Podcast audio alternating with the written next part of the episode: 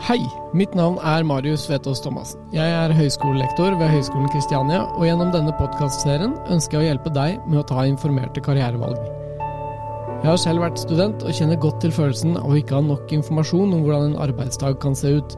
Mange stillinger fantes ikke for bare 10-20 år siden, og her i Norge bruker vi mange stilige engelske stillingstitler som ikke alltid er så lette å forstå. Manglende kjennskap til arbeidslivet kan bety at man tar dårlige eller kortsiktige valg, og at bedrifter ikke tiltrekker seg riktige profiler. Derfor snakker jeg med ulike personer om deres konkrete stillinger og arbeidshverdag. I dag skal jeg snakke med Kristoffer Moen. Han jobber som SEO-spesialist, eller CEO-spesialist, og avdelingsleder i Solid Media. Solid Media ble stiftet i 2016, og de hjelper norske bedrifter med digital rådgivning og synlighet på nett. De har spisset sine tjenester mot mellomstore bedrifter, og har bl.a. et av Norges største fagmiljøer på søkemotoroptimalisering. Kristoffer har vært CEO-spesialist i Solid Media siden 2019, og har siden fått muligheten til å ta over som avdelingsleder. Og Vi skal snakke om begge de to områdene i dag. Velkommen, Kristoffer. Du har jo hatt en interessant reise. Yes. Hvordan, hvordan havnet du innenfor SEO? Ja, det var veldig tilfeldig, egentlig.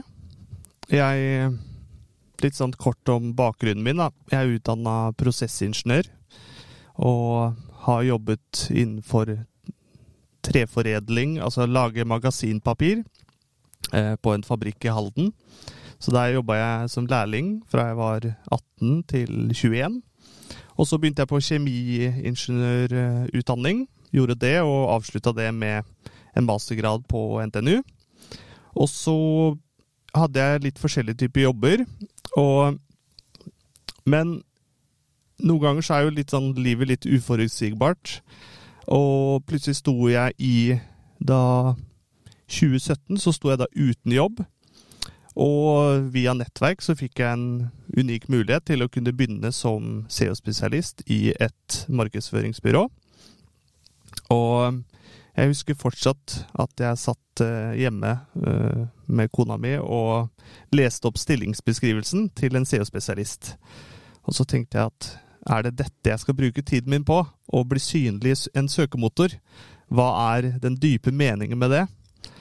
Lite ante jeg hva som lå foran, og i løpet av en to ukers periode i den stillingen, så skjønte jeg jo at faget var jo veldig, veldig mye større. Og at det handla like mye om å utvikle mennesker i bedrifter som å utvikle synlighet. Um, ja, så det har vært litt sånn min intro inn til SEO, og det er jo da fem år siden nå, da. Ja, men du kom fra treforedling og kjemi? Ja. Ja. Men uh, jeg, jeg, må jo henge meg litt opp i det. Uh, hva, uh, hva, tenkte du når du studerte på NTNU? Tenkte du at dette også kunne være en fremtid? Nei, ikke i hele tatt. Det jeg så for meg, var at jeg skulle jobbe med ingeniørretta fag. Ja. Så jobbe da innenfor kanskje prosjektering, eh, design. Jeg jobba da eh, et par år med å eh, designe hvordan oljeplattformer skulle utformes. og satt på et kontor på Skøyen, av alle ting. Og, og syntes det var en, en, en helt grei jobb. Og men eh, pga. oljekrisen og, og, ting i markedet som skjedde, så ble det jo litt forandringer i den, i den planen. Og det å komme inn eh, på ingeniørlinja, eller ingeniørretta eh, jobb, viste seg å være ganske vanskelig, da. Så ja, ganske sånn tilfeldig eh, at det ble digital markedsføring. Eh, jeg er vel den, en av de få i Solid Media som har ingen eh, digital markedsføringsbakgrunn. Ja. Mm. Men du har masse um, innenfor kjemi og sikkert matematikk og fysikk og, ja. og den typen områder. Ja. Uh, vi kommer jo litt tilbake til det etter hvert, vil jeg tro. Men uh, hvordan preger det deg i hverdagen i dag at du har den bakgrunnen? Jeg tror en av de tingene som har vært fordelen min med å ikke ha noen uh, erfaring på området, har jo vært at jeg har vært må være veldig nysgjerrig, da. Og at jeg har stilt hele tida spørsmålet til hvorfor gjør vi dette?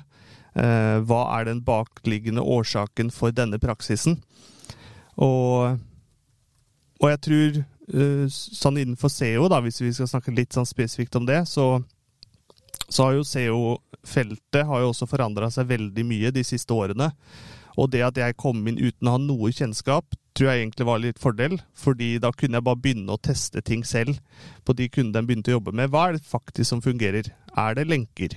Er det onpage? Er det offpage? Er det Ja. tekst? Og, og, og der er du jo inne på komponentene i det å jobbe med SEO, men kan vi bare ta et lite steg Mm. tilbake? Hva er egentlig SEO? Hva, hva står det for? Hva Ja. er dette fagfeltet? Så SEO står for søkemotoroptimalisering. Ja. Og det handler da om å gjøre nettsider eh, synlige i, i søkemotorene, og hovedsakelig da Google. Og måten man får da organisk synlighet, er med å tilpasse sidene og gjøre de så relevante som overhodet mulig for sluttbrukeren. Og gjennom å skape innhold eh, på sider som er relevant, og som skaper verdi for den som leser det, så vil også Google gi synlighet til det over tid. da. Og det skiller seg jo fra eh, annonsering, fordi på annonsering så har man jo verktøyene eh, som de leverer. Så Google har jo Google Ads, Facebook har sine egne plattformer som man bruker til annonseringen. Når man jobber med SEO, så jobber man jo da på selve nettsiden til kunden du arbeider sammen med. Ja. Så du må gjøre faktiske endringer eh, på Så- sidene. ja, ikke sant. Så, så du jobber ikke inn i eller i søkemotoren på noe vis, Nei. men eh, du jobber med det som, som søkemotoren plukker opp og viser. Ja. ja. Og det gjør jo at det er gratis eh, sammenlignet med annonsering. Ja. Men eh, man bruker da penger på de prosessene, da. Så tid er, er det tiden som koster penger når man jobber med CEO. SEO? Ja, så du kan jo si det sånn at jo, jo større budsjettet man har på SEO, jo, mer, jo flere endringer kan man gjøre på kortere tid. Så ja. Hvor, eh, ja, hvor, mange eh, timer eh, i måneden burde en bedrift eh, jobbe med SEO? Det er kanskje et vanskelig spørsmål, men eh, Jeg tror hvis, hvis de fleste bedriftene hadde sittet av én dag i måneden på SEO-relaterte aktiviteter, hvis de kunne opprettholdt det over tid, så tror jeg det, det hadde gjort veldig eh, stor forskjell. Utfordringen er jo at hva skal man faktisk bruke den ene dagen på? Og det er det vi, det er jo det vi hjelper kundene våre eh, med, da. ja, Og la- gjøre de prioriteringene Ja. Sette opp at nå skal du faktisk skrive disse to artiklene, fordi det er disse vi har eh, sikret Vi har sikra at noen Det er etterspørsel etter de, og at vi tror at dette også kan være verdiskapende, at dere kan få flere kunder igjennom det. Ja.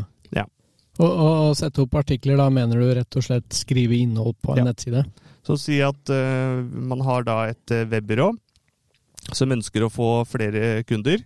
Da kan de lage en artikkel hvordan uh, starte, hvordan lage en ny nettside, uh, og lage en praktisk guide på det. Og da vil man kunne få synlighet på den artikkelen over tid, som igjen også kan lede da til flere kunder, da. Ja. Mm. Så eh, er det dette vi kaller innholdsmarkedsføring, eller er det noe annet? Nei, det er jo Ja. Og her kommer du inn på litt begrepbruken da, Ja. innenfor digital markedsføring. Det er ganske mye overlapp mellom de begrepene som brukes. Og vi, vi i Solid Media vi tenker jo at innholdsmarkedsføring er også eh, en del av hva SEO er. Eh, men innhold, innholdsmarkedsføring kan være mye bredere enn bare å skrive tekst på en nettside, en artikkel. Ja, fordi det kan jo være å lage multimediainnhold også. Ja. Ja, ikke sant. Eh, Det å jobbe med, med SEO ja, Du var inne på eh, Dere må gjøre prioriteringer for, eh, for bedriftene også, og til en viss grad gjøre oppgavene for dem. Kunne du eh, sagt noe om bredden av det fagfeltet her? Hva, hva inngår i SEO, og hva inngår ikke i det? Ja, bredden er jo veldig, veldig stor. Man kan liksom si eh, det starter på Hvis man skal holde det veldig overordna, da. Så i, i Solid Middag så jobber vi da ut ifra fire forskjellige typer områder Ja. som vi fokuserer på. Og tre av de er ganske sånn vanlige praksiser, og én har vi lagt til eh, fordi vi ser at det er nødvendig også å adressere det. Så jeg kan bare liste opp de tre vanligste. Så det første er da teknisk SEO. Da jobber vi med alt som eh, er da teknisk på siden. Eh, hvor store er bildene? Eh, hvordan er innlastingstiden? Hva slags type hovedoverskrifter er det som brukes? Eh, så alt av det Google leser på siden eh, Veldig stort område, og man har jo spesialister som gjør utelukkende eh, teknisk SEO-arbeid. Og så har man da kategori to, som heter on-page optimalisering. Og det er jo alle endringer man gjør på selve nettsiden. Ja, Og det, da snakker vi om innholdet? Ja, da snakker ja. vi om innholdet. Eh, og her vil man da on-page, da vil man se på de forskjellige parameterne på enkeltsider, men man må også tenke på er det internkonkurrerende sider mellom på denne nettsiden. Så du må også se overlappen mellom sider. Så enkeltsider, men også eh, zoome et, et hakk lenger ut, da. Ja. Med OK, vi skal skrive f.eks. Vi skal skrive om HR hva slags type innhold må vi ha for å eh, skrive relevante artikler om HR? Og hvis man da har valgt f.eks. hvis jeg skriver én artikkel, slik velger du det beste HR-systemet, eh, så vil vi ikke nødvendigvis skrive veldig mange artikler om akkurat det samme. Men prøve da hva er en HR-prosess? Eh, hva gjør en HR-leder? Ja. ja. Og da er tanken at det er spørsmål Eh, folk søker etter ja. på Google, ikke sant? Ja. Og da skal de finne det innholdet. Ja. ja. Og det var vel eh, Det var kanskje den største sånn åpenbaringen for min del når jeg begynte å jobbe med SEO. Det var da når jeg satte meg ned med en som hadde jobba med SEO i sånn ti år. Og så tok han opp et verktøy, og eh, det verktøyet som, som han brukte, det heter da Keyword Tool IO. Jeg syns det er et av de beste kartleggingsverktøyene for søkefraser. Og da skrev han inn måte et vilkårlig søkeord, og da fikk han opp en liste med over 100 søkefraser med estimerte hvor store volumer det var i etterspørsel på, den, eh, på den, det søkeordet. Og for meg så var det sånn Ja, men fins det? Går det, an, går det faktisk an å finne ut hva folk tenker, og hva de bruker det? Og det, det var da det på en måte switcha litt for min del. da. Ja, Det at, ble en liten åpenbaring ja, at man kunne analysere det? Ja, virkelig. Og, mm. og da kom jo litt den måtte, bakgrunnen min da, med å være ingeniør, med å tallfeste ting. Ja. Og da begynte jeg å liksom, gå ganske dypt ned i det med denne søkeordsanalysen. Og er det én ting som bedrifter i dag bør ta et større eierskap til, det er å ha en søkeordsanalyse som er spissa nok, og at den er relevant, og at den er oppdatert. Fordi det er jo også noe som forandrer seg over tid. Og at den blir brukt. Og at den blir brukt. Ja. det viktigste. Ja. ja. Jeg er helt enig. Mm. Søkeordsanalyse er jo også noe vi har tatt inn i undervisningen her på Høgskolen Kristiania. Ja.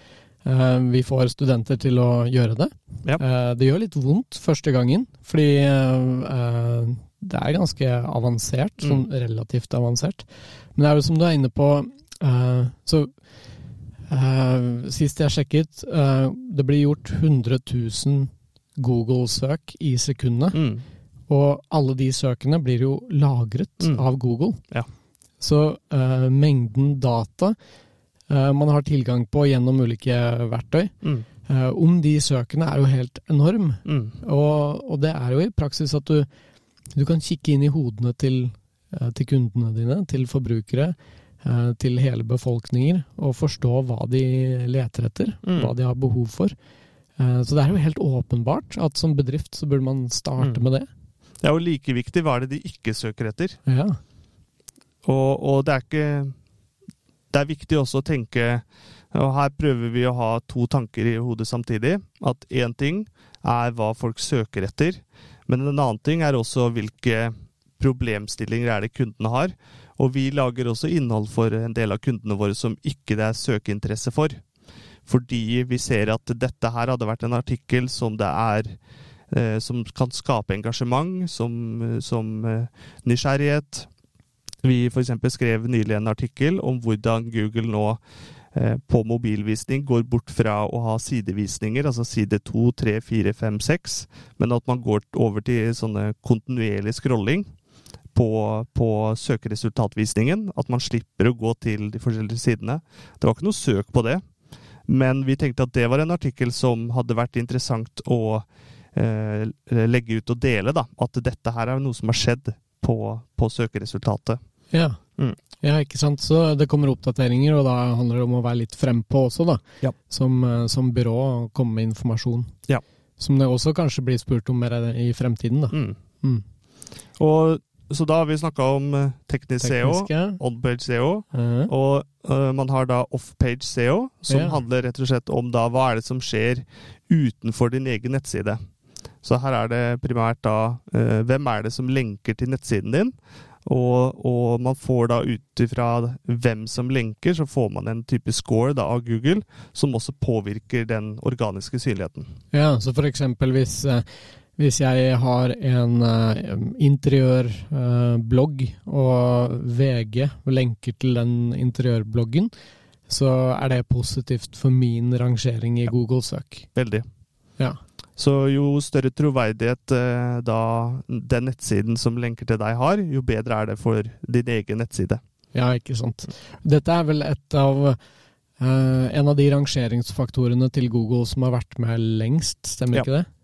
Og det var jo veldig stor vektlagt. Um, og så er det en veldig stor diskusjon om eh, hvor viktig er dette med, med lenker. Um, mitt eget standpunkt rundt dette med offpage er at det hjelper ikke å ha kvalitetslenker hvis ikke du har relevante sider for de som kommer til nettsiden din. Så vi, vi starter først med det tekniske, og så sørger vi for at siden er brukervennlig, og at det er faktisk innhold der som folk etterspør. Og at man da etter det igjen kan starte da med å se på lenkene som kommer til siden. Ja, så dere jobber i faser, rett og slett. Begynner med teknisk, og så går dere videre. Ja. Det er fundamentet, det da, på en måte. Ja. Ja, Riktig. ja. så eh, teknisk SEO, innhold på nettsiden, off-page, det å se på lenker inn, Mm. og område nummer fire. Så det har vi kalt da for søkeresultat-SEO. Og det vi har sett, da, er at eh, hvordan visning du får også i søkeresultatet, har veldig mye å si på mengde trafikk som kommer inn på nettsiden. Altså hvordan man fremstår Ja. i Google. i selve søkeresultatet, så si at du har fått en tredjeplassering. Fordi Google har nå de siste årene så har de gått over til å ha mye De bruker i mye større grad brukerdata. Så si at man har en tredjeplass, men alle som går inn på første- og andreplassen, de går ut igjen for å gå inn på tredjeplassen. Da vil man over tid kunne ø, gå oppover av den grunn. Fordi engasjementet er større for en lavere plassering, så vil det kunne endre rekkefølgen. Ja. Og av den grunn så er det veldig viktig at man har et språk som er direkte, som er eh, Som vekker en nysgjerrighet, da. Så tidligere så var det veldig sånn Ok, vi må få inn flest mulig type søkeord. eh, og det, det har vi også i Solid vært eh, skyldig i. At man, man overoptimerer, rett og slett. Men vi ser nå at det er like viktig som å få synlighet, er å få en visning i søkeresultat som skiller seg ut. da. Ja. Og da kan man benytte eh, språk, men du kan også bruke sånn strukturert data, som det kalles. Som gjør at du kan få en større visning, eller en, en, en forstørret visning i søkeresultatet. ja. Så ehm, eh, det handler ehm, Bare så jeg forstår deg rett. eh, Man kan se på det som det man fremstår som i Google-søk, er jo også en form for ehm, annonse, eh, Ja. bare at den er gratis. Riktig. Så hvis man har gjort seg fortjent til det, så kommer man høyt opp i Google-søk. Og hvordan man fremstår, er kjempeviktig. Hvordan den teksten ser ut, eh, den lenken, den burde sikkert ha en autoritet, at, det, at den ser eh, troverdig ut, Ja. og så. Og så kan man ha sånne kan man, eh, man kan vel ha at du kan eh, klikke for å ringe, eller Mm. du kan gjøre ting direkte, ikke sant? Yes. Ja. Mm. Ja, kult. Dette, eh, dette ble en veldig fin eh, introduksjon til eh, fagfeltet SEO. Um, og eh, ja, det, er veldig gøy å høre at du, du havnet i dette eh, etter å ha tatt um, utdanning som, som hvor du Jeg mistenker at du ikke hadde ett eneste fag på, på NTNU som riktig. handlet om dette. Jeg gikk fem år på studiet, men hadde ingenting om digital markedsføring. Ja. Ja. Uh, og så fant du deg selv litt i dette fagfeltet. Ja. Veldig kult. Uh, Og så ble du avdelingsleder. Eh, Hvordan er det, hvordan er det å bli avdelingsleder? Veldig spennende. Ja. og veldig utfordrende samtidig. Eh, vi har, jeg har da eh, avdelingen min, performance-avdelingen, består da av eh, to forskjellige roller. Vi har da ads-spesialister, og så har vi CO-spesialister. Så i mitt team i dag så er vi eh, ni stykk. Og når vi starta for tre år siden, så hadde vi jo da tre spesialister i selskapet, men nå er vi jo eh, da ni pluss et par til, så vi er elleve spesialister nå, da. ja. Mm. Uh, og hva er, det, uh, hva er det første du gjorde når du ble personalleder? Var det, var det å tenke ok, hvordan skal jeg lede, Mm. eller hvordan skal jeg strukturere alt dette? Hva, hva, hva, hva var det første på agendaen din? Så det første, det første jeg gjorde, var egentlig å ta en litt sånn Ok, hvor er det vi er som selskap? Eh, hva er det vi trenger nå? Hva er viktigst for oss å få til det, det første året som jeg er avdelingsleder? Og det er veldig mange ting man kan bruke tid på. Man kan bruke tiden på å styrke fagligheten. Man kan eh, bruke det på å definere hvordan skal vi jobbe som, som team. Man kan jobbe med rekruttering. Man kan jobbe Selge? selge -hmm. visjon. Det er, det er så mange ting, da. Men eh, det jeg så, da, eh, var jo at det er jo en veldig høy etterspørsel etter kompetansen som spesialistene våre sitter på. Så mitt første mål var egentlig å konkretisere karrieremulighetene i Solid Media så mye som overhodet mulig. Fordi det har vært eh, en litt gjentagende ting for min egen del, som har hatt en litt sånn ja, trøblete vei i, inn i arbeidslivet, da, er at jeg ikke har visst helt hva som ligger foran, og hvilke muligheter som man har som en ansatt. Og, og det jeg da begynte å lage, var en egen karriereplan som rett og slett definerte at uh, noen kriterier og noen um, ansvarsområder som vi forventer på de ulike uh, si, faglige kompetansene. Da. Så hos oss så har vi forskjellige typer trinn. Eh, De som starter hos oss som har ingen eh, erfaring innenfor ads eller SEO, de starter på et trainee-løp. Og der er de i seks måneder før de går over til juniorstilling. Og så har man da, eh, eh, da neste trinn spesialist, og så senior, og så eventuelle ny rolle teamleder. Og, eh, og i den eh, I å utforme denne karriereplanen, da, så merka jeg jo at uh, her, her er det viktig at vi konkretiserer ting Uh, og setter ting i system. Hvem er det som skal jobbe med hvilke kunder? Hva skal de bruke tiden på? Hvordan skal man prioritere kunder som har forskjellig budsjett? At det var veldig mange ting som dukka opp, da. Og, men med hjelp av uh, de fantastiske folka jeg har i mitt team, så syns jeg at vi har kommet veldig langt på det punktet. Og, og jeg tror og håper at den karriereplanen har gjort det tydelig for hver enkelt da, at eh, det er muligheter. Og, og det har jeg også fått litt sånn tilbakemelding på, at de syns det har vært så fint å se en konkret karriereplan.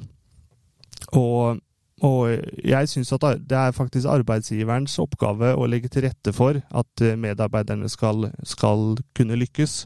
Og så er det hver enkelt som gjør jobben, men de må i hvert fall vite hva som er målet.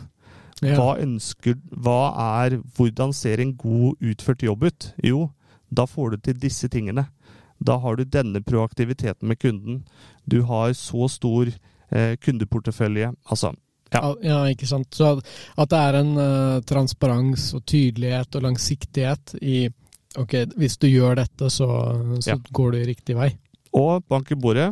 Ennå så, så er alle som begynte hos oss for et år siden, de er fortsatt hos oss. Ja. Så så langt så har det i hvert fall fungert godt. Ja, men så bra, det. Ja. Dette er jo ehm, eh, en bransje med litt eh, turnover. eh, eller det er mange som skifter, skifter jobb. eh, og det er vel kanskje hovedsakelig pga. høy etterspørsel. Ja. Ja. Er, det, er det utfordrende å finne, eh, finne kandidater?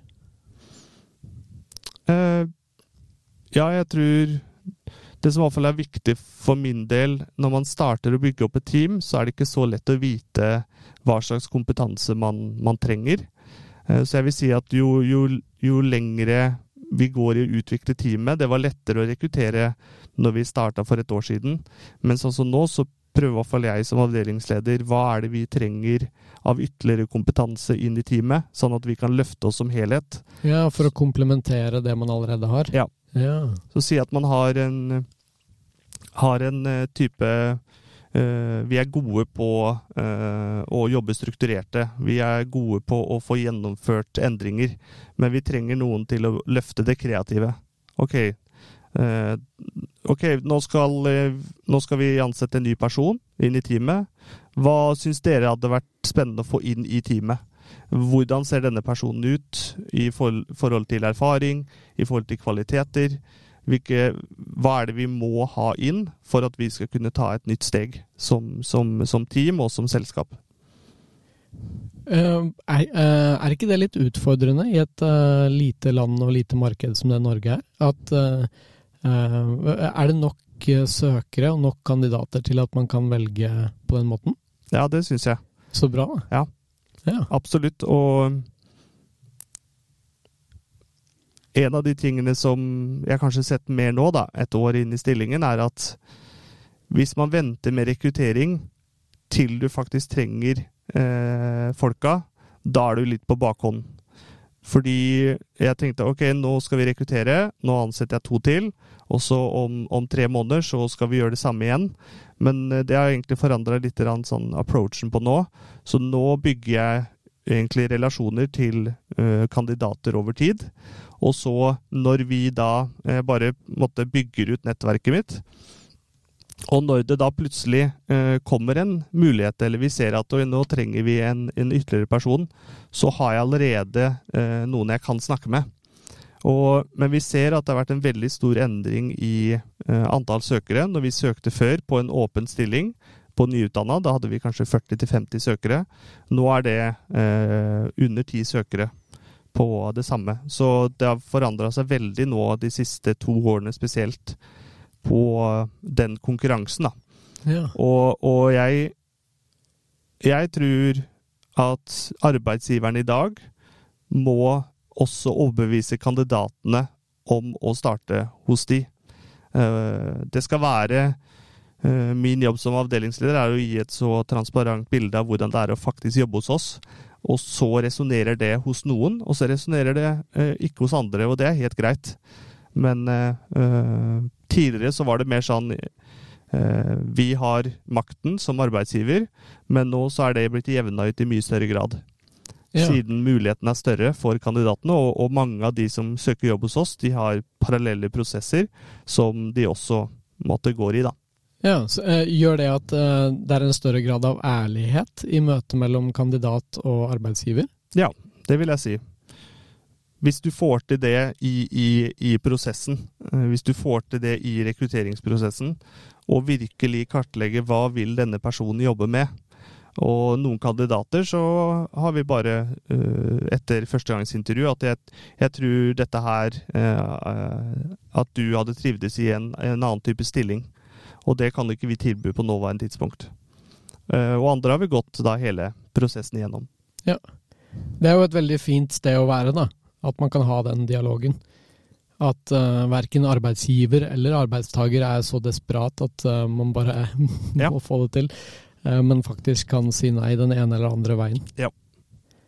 Eh, hva er det som eh, er mest utfordrende med å bli å ta steget fra å være fagspesialist til å bli personalleder? Når jeg jobba som måtte Når jeg jobba som SEO-spesialist utelukkende, så var det jo jeg som jobbet med kundene. Så jeg var jo veldig hands on.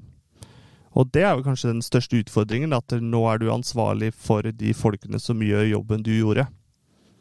Eh, og for meg, jeg har lest en, eh, en veldig bra bok som heter eh, 'Making of a Manager', som er en bok som snakker om rett og slett en, en leder i, som har vært med og bygd opp Facebook. Og hun sa, eh, og det var liksom første kapitlet som forandra litt mitt perspektiv da, på dette med lederskap. Og når man er en manager, altså en, en, avdelingsleder på norsk, så er ikke lenger jobben din å produsere eh, resultatet selv, men det er å hjelpe et team å produsere resultater. Og jeg Og det sto Da kommer jo matematikken. Du skal være, eh, du skal være en som multipliserer eh, resultatene, og ikke være den som måtte plusser det. Så for meg, så når jeg starter hver, hver dag på jobb, så er det å prøve da ok, hvordan kan jeg eh, sørge for at jeg multipliserer eh, og gir de ni som jobber hos oss, gi de verktøyene, sånn at de kan skape mest mulig verdi selv. Ja, Interessant eh, måte å se på det. Eh, det gir jo veldig mening. Uh, og det er vel der kanskje uttrykket to pluss to er lik fem ja. uh, kommer fra, når man uh, lager gode teams. Ja. Og, og, det er ditt ansvar å, å fasilitere at, at, det skjer. Ja. Steve Jobs han sammenlignet jo seg selv med dirigenten i et orkester. at det handler om å få de beste på hvert område til å spille sammen i, i fin harmoni. Ja. Det er eh, interessant. Det er jo sikkert vanskelig å gi litt uh, slipp. Sy mm. Syns du det er vanskelig ja, slipp? Det er, eh, det er veldig vanskelig. Og det å, det å, balansere det med at jeg har fem år erfaring, og vi ansetter jo de som kommer rett fra skolen, uh, og den balansen med å støtte, men samtidig også tørre å utfordre. Uh, at man kan løfte det hver kandidat. Og det har vi sett eh, ettersom vi har ansatt nå flere over tid. Så ser vi at vi kan løfte litt det faglige nivået mye fortere på de som har blitt ansatt sist. Så vi prøver å gjøre naturlige steg. Og, men det tar tid. Eh, og, og, det handler også om at hver person må få de åpenbaringene selv. Eh, jeg kan legge til rette for at å fortelle om hvordan en søkeordsanalyse er verdifull men de må selv oppleve det i møte med en kunde selv. At den måtte mynten faller ned. Og så er det jo magisk da, når man ser at det virkelig skjer. Fordi det er veldig tydelig når en person eh, virkelig lykkes, da. Eh, og at man der har bare stått og heia. Og ja. Det må være tilfredsstillende, ja? Ja. Eh, hvordan ser en arbeidsdag ut for deg? Så jeg har jeg prøver å dele opp litt eh, arbeidsdagene mine eh, både før lunsj og etter lunsj. Og frem til lunsj så har jeg hovedfokus på de tingene som, som jeg må sørge for fremdrift på. Så det er ting, arbeidsoppgaver som er viktige, eh, sånn som for eksempel faglige retningslinjer. Hvordan skal vi faktisk jobbe med SEO i 2022? Og hvordan er det vi skal sørge for å lykkes lenger frem. Det er ting som ikke nødvendigvis haster, men som er veldig viktig. Ehm, og så det er uh, hovedfokuset mitt. Sånn, jeg, jeg, bruker jo en del tid på uh, det uh, Vet ikke om du har hørt begrepet deep work? Jo, det handler, handler, vel om at man uh, timeboxer og bare ja. har fullt fokus. Ja. Men ja, forklar gjerne med egne ord. Så deep work handler jo om i en verden der eh, det er veldig lett å bli distrahert. Og, og man sier vel det at liksom, kommer, altså, oppmerksomhetsspennet til, til, et menneske nå er jo veldig mye lavere enn hva det var før. og evnen til å konsentrere seg over tid har jo falt drastisk. Og dette er jo en utfordring når vi nå i mye større grad løser kreative og sammensatte problemer. Så trenger man tid for å komme dypt nok ned i materialet, da. Eh, og det er det jeg også har sett, at hvis ikke jeg setter av tid til å løse de vanskeligste problemene, så blir ikke det Da får man ikke fremdrift på det, da. Ja. Så det jeg har sett, er at jeg pleier ofte da å ha liksom tre, tre, tre times bolker før lunsj, og da er fokuset sånn OK, jeg skal løse dette problemet i dag, og så har jeg tre timer på å gjøre det. Og så etter lunsj så er jeg stort sett eh, åpen, og da uh, scheduler jeg inn da én-til-én-oppfølging, uh, eller at jeg også har kundemøter eller uh, andre ting, da. Veldig smart, da. Det gjør vel at du da klarer å tikke av, eller streke ut noen oppgaver, da. Ja. Og føle fremdrift og ha gjort de med full fokus. Veldig. Det, jeg merker det jo også bare med det å spille inn podkast at vi setter jo av tre kvarter for å eh, snakke i dybden om et eller annet. Eh, og jeg opplever jo i hver eneste episode her at vi, vi har fullt fokus. Eh, og vi kommer et sted med samtalen. Og det har vært uh, litt sånn til ettertanke for egen del. Uh, burde ikke alle samtaler være sånn? Sant. uh, men man blir distrahert. man, man, får en melding, man blir ringt opp, eller man er rett og slett bare for utålmodig. At ok, nå har jeg gjort det her i fem minutter, nå burde jeg gjøre, en annen oppgave. Mm. Fordi det er det kroppen min er vant til. Men i stedet um, bare Nei, nå skal vi snakke og gå i dybden og se mm. hvor det går. Det er en uh, veldig fin, uh, fin greie å ta inn i livet sitt. Uh, og, det er faktisk noe andre gjester også har nevnt. Det at de um, timeboxer det på den mm. måten og jobber veldig fokusert. Og det som Et litt siste punkt da, med det, den evnen til å fokusere, og dere som er studenter som hører på det her, da, er det én ting som uh, dere bør ta med dere inn i arbeidslivet og beholde, det er liksom evnen til å fokusere. Fordi hvis du er en av de få da, som klarer å fokusere, klarer å løse mer sammensatte problemer, så kommer du til å bli veldig verdifull i det selskapet du jobber i. Og det er det jeg ser at eh, vi trenger eh, større og større kapasitet til å fokusere.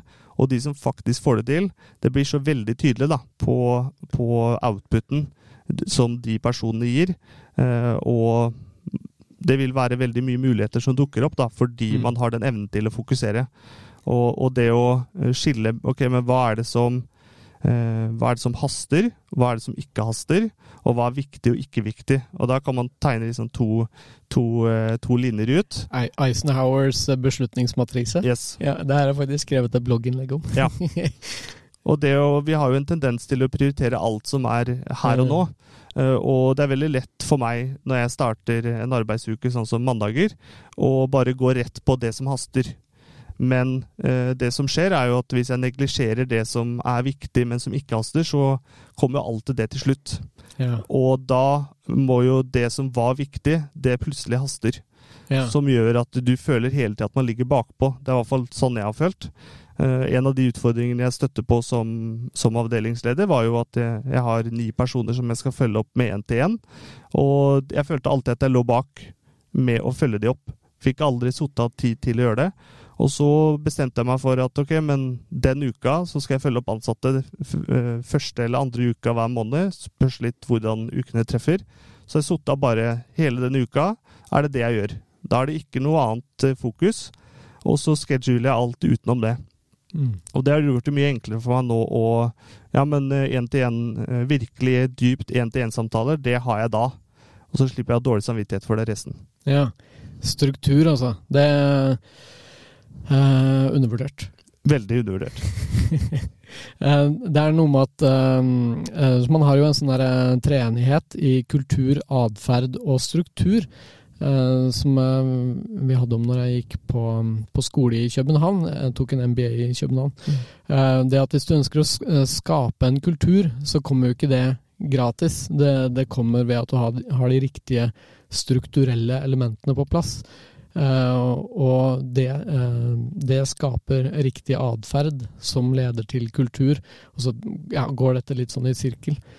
Men struktur er altså, er altså et veldig viktig element. Mm.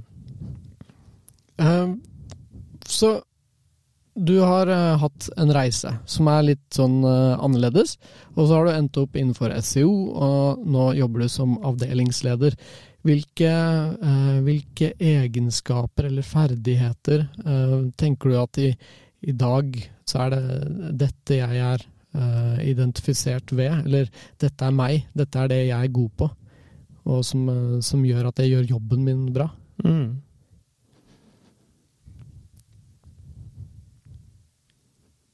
Det er et veldig stort spørsmål. Ja. Uh, jeg tror Jeg er først og fremst nysgjerrig. Ja. Nysgjerrig på, på, mennesker. Nysgjerrig på hvordan er det vi Hvordan gjør vi noe? Og, ja. og jeg er ikke redd for å legge ned innsatsen for å prøve noe nytt. Ligger det eh, noe sårbarhet i det også? At du tør å være i endring? Ja, jeg tror det. Og, og eh, en av de tingene som jeg har verdi for, det er jo rett og slett utvikling. At eh, det er en, en business coach som jeg hører mye på. Enten så er det under utvikling, eller så er det under avvikling. Ja. Og, og, det er noe med å, å, bare stå stille, da. At det er en stor risiko med å ikke gjøre noen ting. Så det å eh, prøve nye ting eh, Podkast, for eksempel. Sånn som dette. Ja. Du spurte meg jo øh, har du lyst til å være med på en podkast. Ja, det har jeg aldri gjort før, men det hadde vært hyggelig å være med på. Ja. Pippi Langstrømpe-aktig holdning. Ja. Og, og, hva er det verste som kan skje, da? Mm. Det er Ja, podkasten er ikke interessant. Ja. Men det er det. Det, er det. det kan vi leve med. Ja, det kan vi leve med.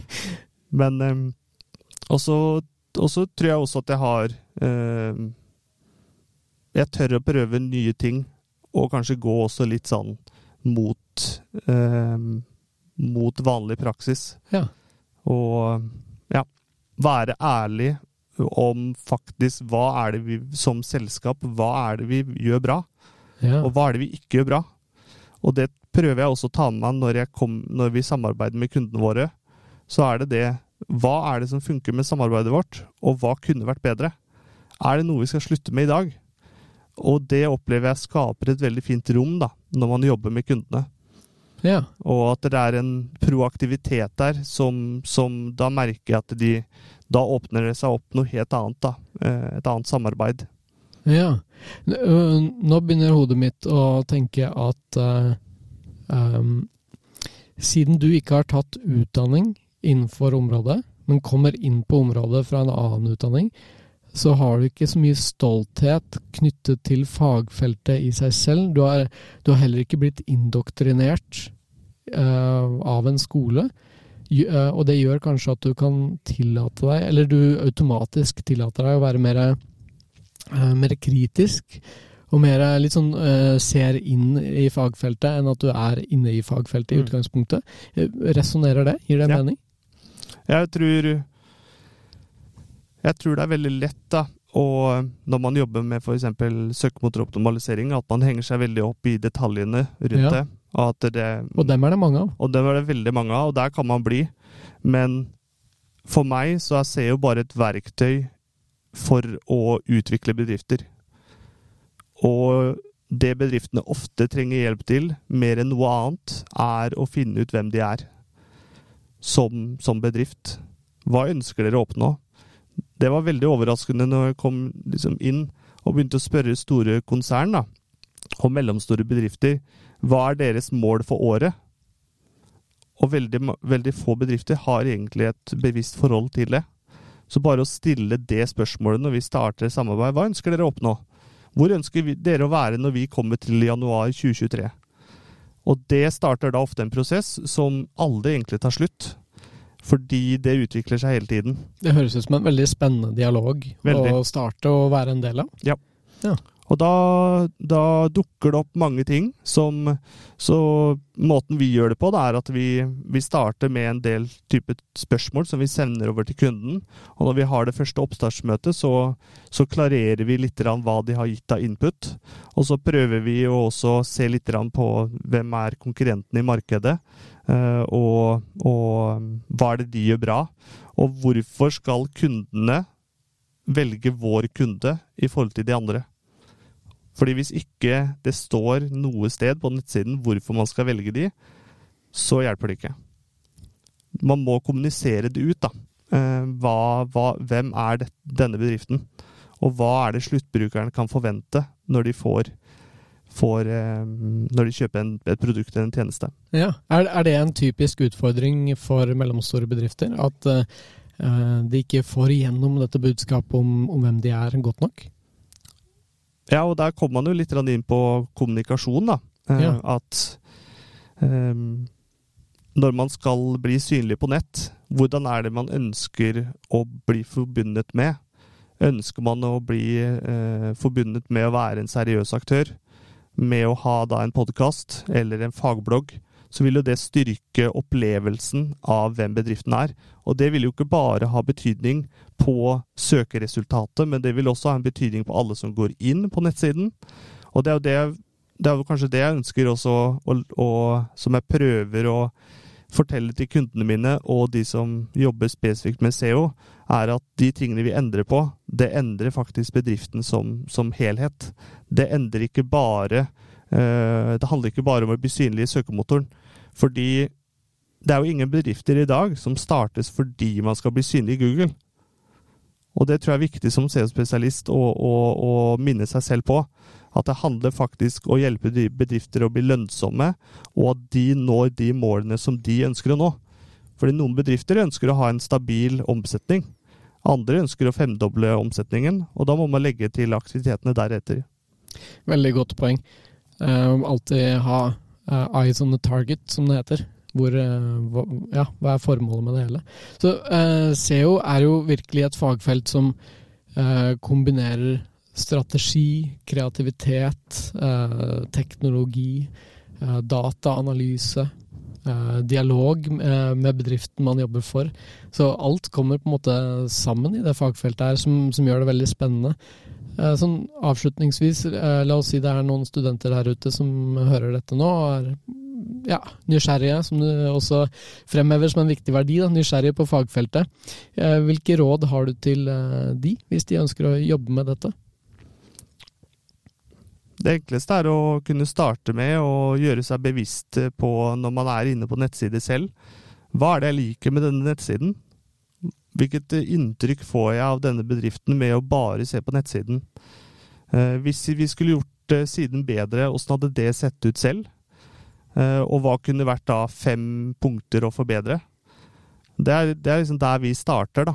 Eh, er, det, er siden egentlig brukervennlig? Er det noen sider her som mangler? Eh, satt med en kunde nå nylig som Hvor er kontakt oss-siden deres? Ja, den har vi Det har vi ikke. Men dere ønsker jo at kunder skal ta kontakt med dere. Ja. Skal vi lage en kontaktside? Ja, det skal vi. Det, og, og, det er jo der jeg ønsker å bare Jeg ble overraska over når jeg kom inn uh, som rookie, da.